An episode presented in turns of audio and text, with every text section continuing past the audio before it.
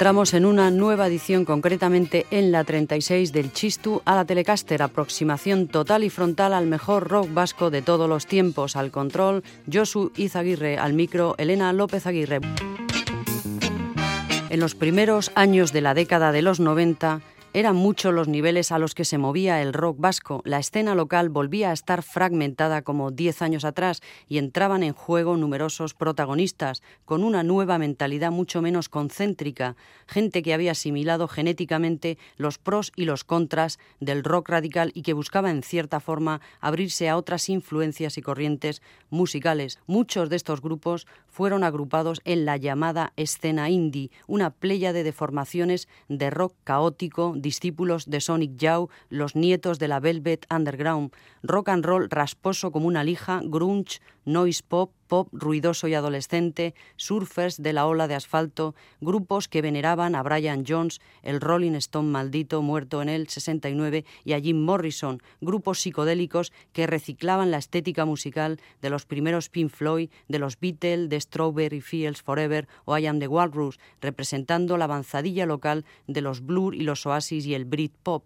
La mayoría de estos grupos grababan en pequeños, grandes sellos catalanes y madrileños principalmente, que estaban vinculados a revistas, fanzines, distribuidoras o tiendas de discos. Rock music is leading our young people to drug addiction and promiscuity, to prostitution and abortion, to suicide and vandalism and communism and homosexualism.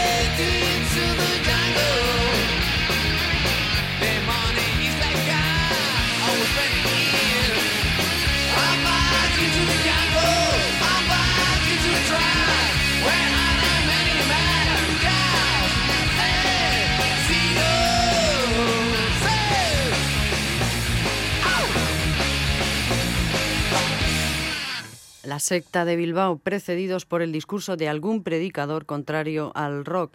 La secta había publicado su primer disco, Blue Tales, en Muster Records y ahora editaban en el mismo sello It's Gonna Be a Wild Weekend. Aquí todo lo achacan a defectos de amplis o pedales, no comprenden que puedas o quieras hacer ruido, se quejaban refiriéndose a los estudios de grabación. Yo he tocado con los dos distorsionadores a tope, cosa que mete muchísimo ruido, y hemos grabado eso y se ha publicado como maqueta, y la gente me ha preguntado sorprendida que cómo lo he conseguido pues con un buen equipo y técnicos competentes, decían.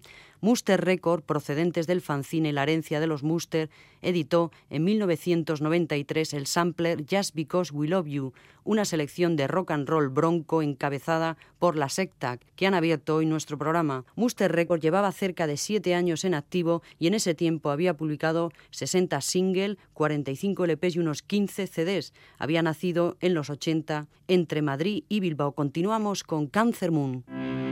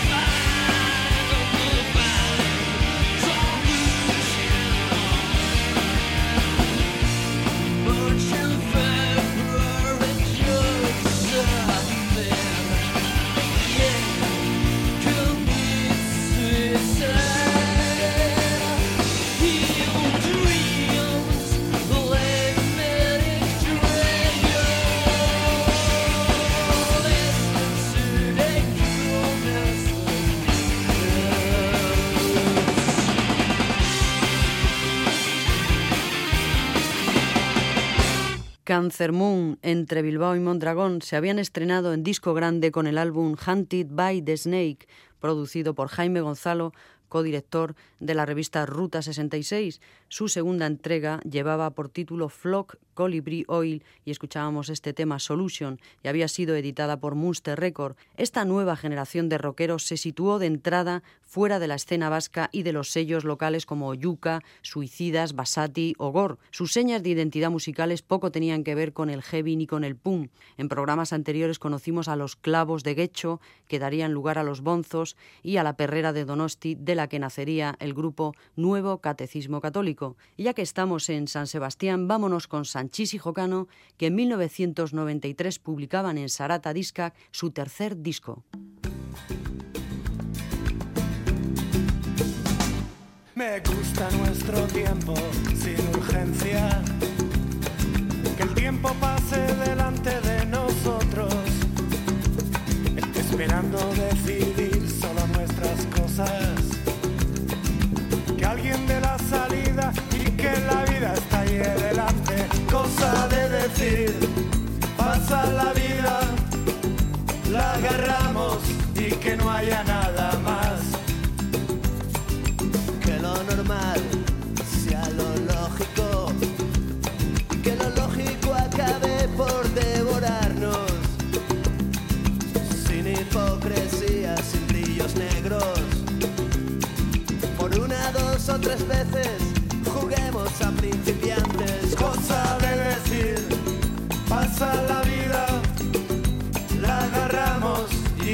haya nada más. Cosa de decir, pasa la vida, la agarramos y que no haya nada más.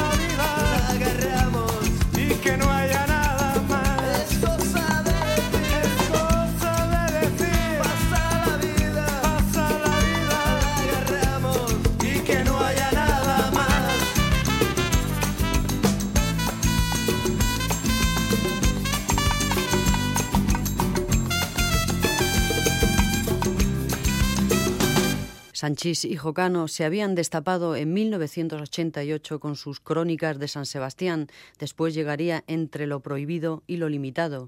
Si hay alguien que conoce la noche Donostierra, estos son Sanchís y Jocano, escribía Jacue Pascual en el tubo. Antes, Tarambana, siempre soñadores, han aprendido a mantener la mirada en los ojos del diablo. Creedme, el diablo siempre lleva encima 20 gramos de coca y dinero suficiente para comprar un testa rosa. El demonio es turismo, especulación, 150 millones por un piso en el rostro de la concha. Somos los payasos locos, los parias de la belleza, expulsados de Donostia.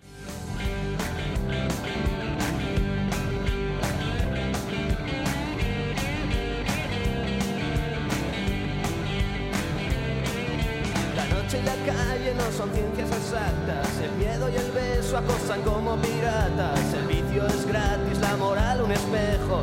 Una colilla, un trago, una suma y un te dejo. Cae la adolescencia viviendo de caricias. El amor es un truco que con los años se envicia. Las chicas y los chicos hoy van a viajar. Los juguetes del presente se han vuelto a La estropear. autopista de la vida es una herida leve. Otros bajan a esquiar a la ciudad sin nieve.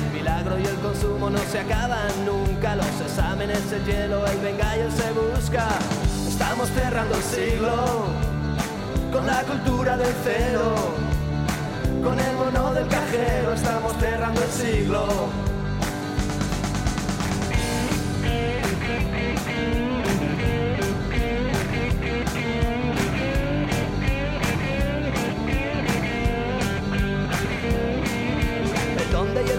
Cómo acortan el presente. El roce de noche es una entrega urgente. La guerra de genios, dirección al infierno. Los chicos juegan a verano en invierno. El tiempo se para en un stop obligado. El arma del dólar, maldito invitado. Las clases de historia, puzzles para extranjeros. Y eso es el silencio de los corderos. Y es que Estamos cerrando el siglo con la cultura del cero, con el mono del cajero.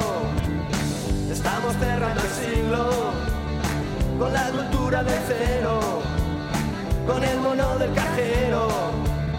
Estamos cerrando el siglo con la cultura del cero, Con el mono del cajero estamos cerrando el siglo.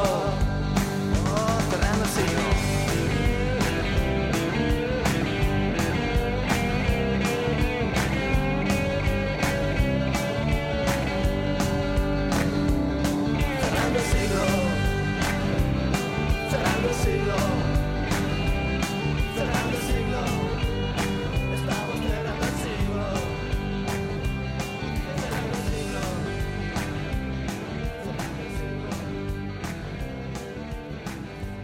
Sanchís y Jocano de su tercer disco grande a la clandestinidad y continuamos en el programa del Chistu a la Telecaster, una retrospectiva sonora del rock vasco en capítulos. Pero echemos un poco la vista atrás para hablar de otros románticos poperos impenitentes. En 1992 se habían estrenado discográficamente en Vitoria Crin de Crin Crines, nombre tras el que encontrábamos a un viejo conocido de la escena popera, Michel Ortega. Había sido cantante de Segundo Banana y luego en 1988 participó en el disco colectivo Araba Viento en Pop con el grupo Michel y Los Renos. Finalmente, y gracias al premio en el tercer Villa de Bilbao, conseguían grabar su primer disco. Ha sido maravilloso cariño. Aquí los verdaderos grupos malditos no son los que dice el tubo. Se quejaban. A mí que me digan que Cortatu ha sido un grupo maldito me da risa, o que me digan que RIP es un grupo maldito. Ojalá tuviera yo la maldición esa. Los verdaderos grupos malditos de Euskadi somos los que hacemos pop rock, que tenemos que intentar convencer aquí, lo cual es bastante difícil, y luego intentar convencer fuera que ya ni te cuento.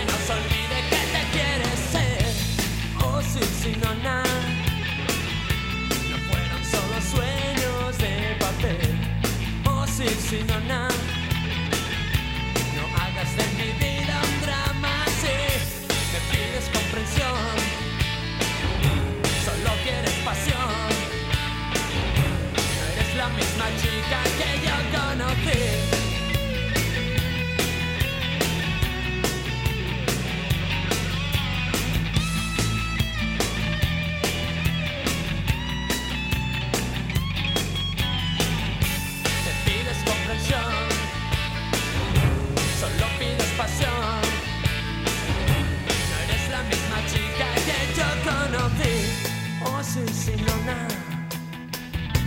Podrías explicarme la razón.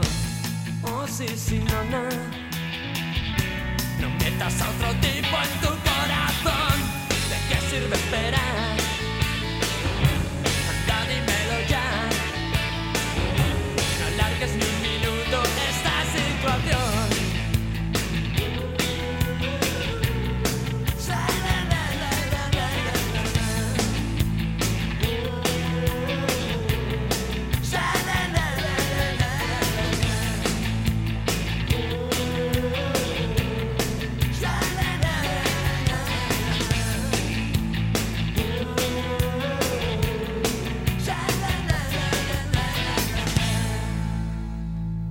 Crin de Crin Crines editados por Oyucan. Su primer álbum ha sido maravilloso, cariño.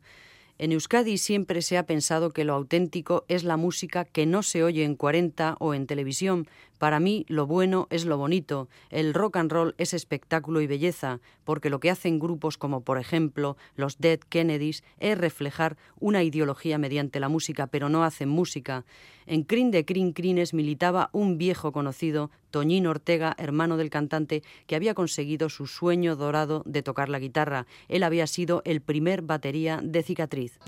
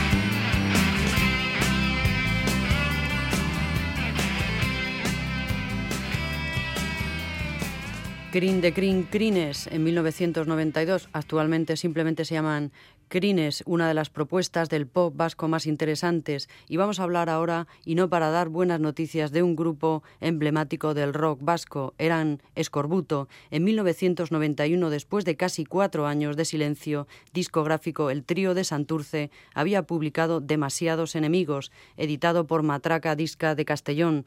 Su álbum anterior había sido El Supernegro, la más macabra de las vidas.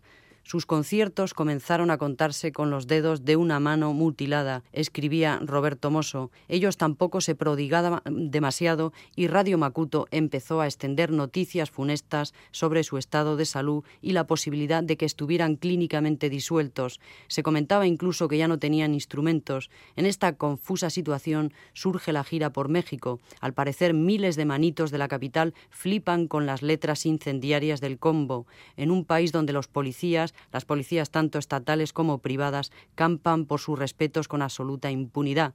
Algunas emisoras independientes de extendida popularidad entre la juventud y la profusión de cintas piratas en el mercado negro han hecho posible con el paso del tiempo que la Polla Récord y Escorbuto conocieran llenazos surrealistas allende los mares.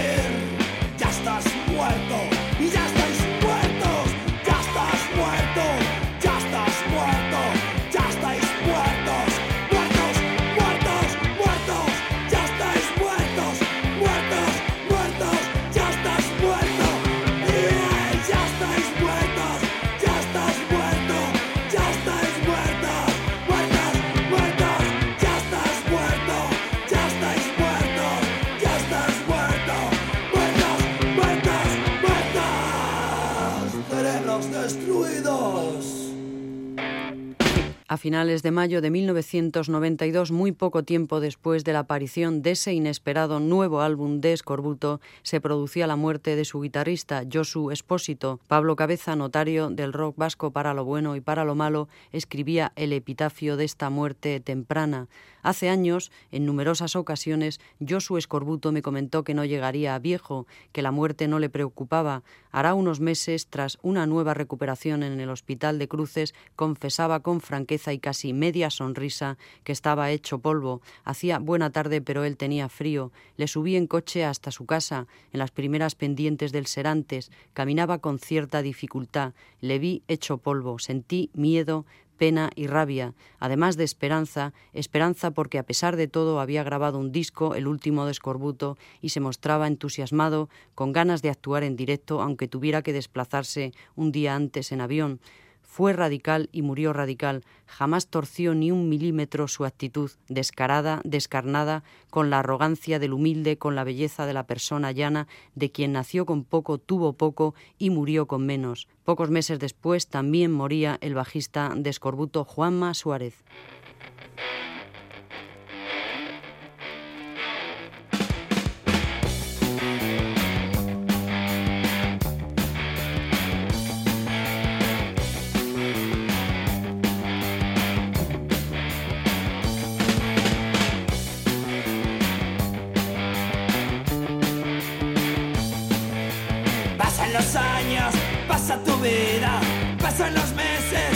Pasan tus días, pasan las horas, también tus minutos. Esto puede ser tu último segundo.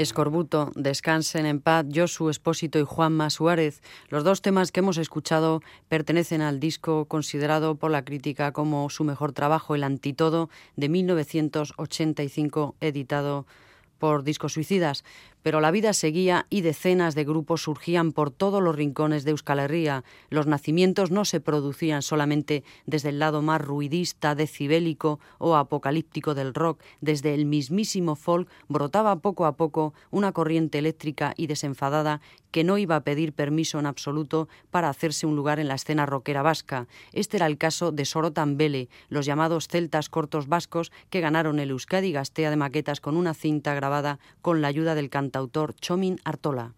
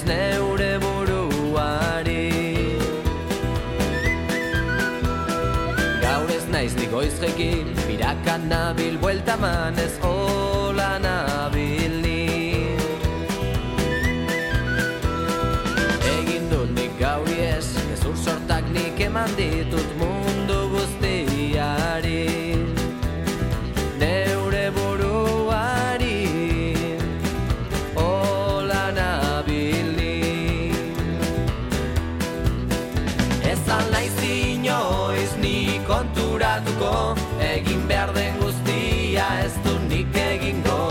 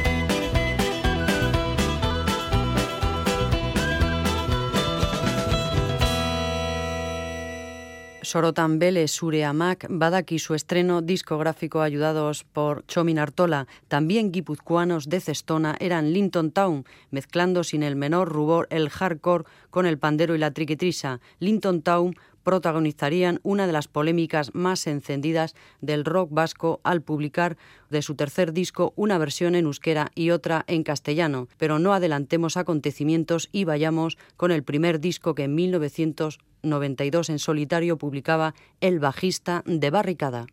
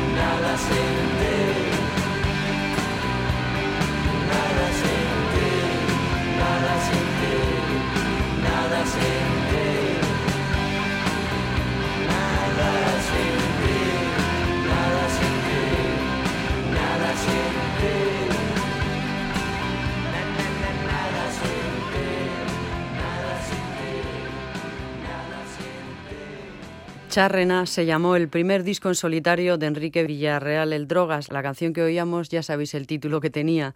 Otro de los componentes de Barricada, Bonnie, también grabó disco en solitario. El título fue Peligroso Animal de Compañía. Barricada se había mantenido en la cumbre del rock duro estatal y disco tras disco habían ido dando más y más hasta llegar a Balas Blancas, su más reciente edición. Por su parte, el droga siempre había sido la imagen de Barricada. ¿Qué hay que agradecerle a un grupo como Sociedad Alcohólica? Yo personalmente el que me ha hecho sentirme viejo cuando les escucho. Es así, es impepinable, y eso no quiere decir que me vaya a jubilar. Yo nunca he pensado con el pelo ni me he puesto la chupa de cuero para escribir las canciones. Igual las hago en pijama. La imagen es mentira siempre.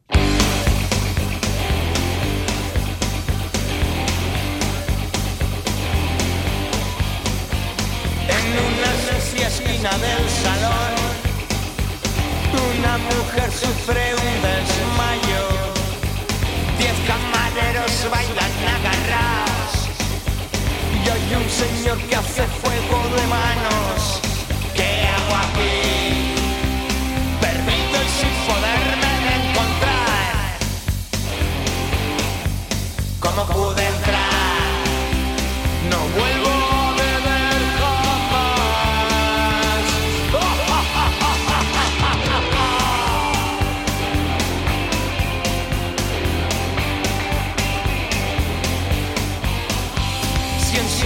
con una pesada mesa conspiran y se quejan de los platos. Han puesto sonrisas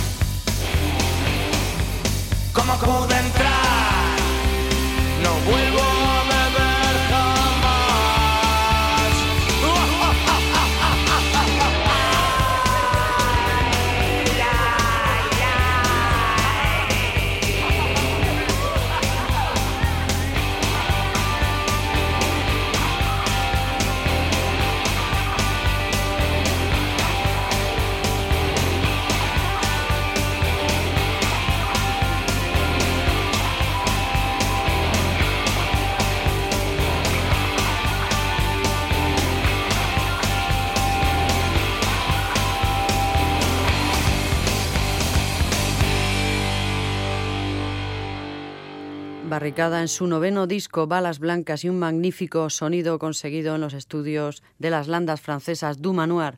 En el cuarto Villa de Bilbao de 1992, los ganadores fueron en el apartado de pop rock paralelos de Rentería y hubo sendos accesit para Josi los Javis de Zumárraga, All Nighters de Gasteiz y los Crónicos de Bilbao. En el apartado de rock duro hubo un accesit para Taxi Carlo de Pamplona. Vamos a escuchar a Paralelos de Rentería.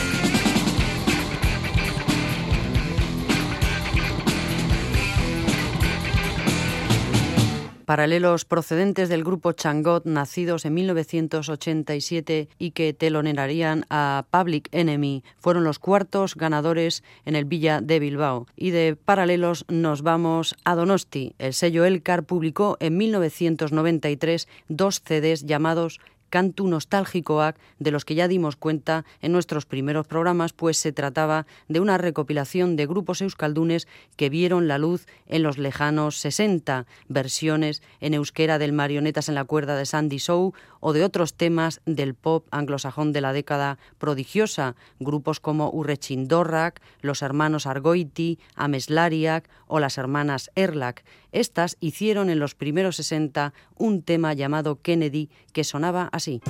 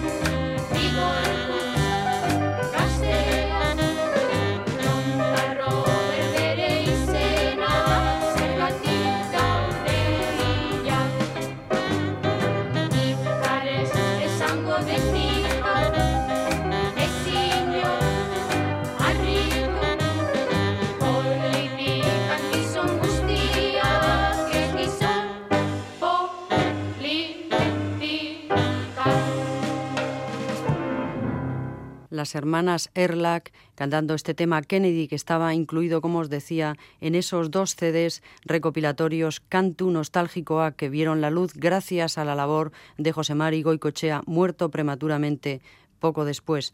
Lo que no sabían las hermanas Serlac, ni ellas ni nadie, es que 30 años después de que cantaran esta canción a principios de los 60, otro grupo vasco, Negu Gorria, hablaría de ellas y las ampliaría en un tema de su tercer disco con el que hoy cerramos nuestra edición del Chistu, Negu Gorria y la canción John Fitzgerald Kennedy del álbum Borreroak Baditu Miyaka Aurpegi. Estuvo en el control Josu Izaguirre, al micro Elena López Aguirre. Espero que hayáis disfrutado.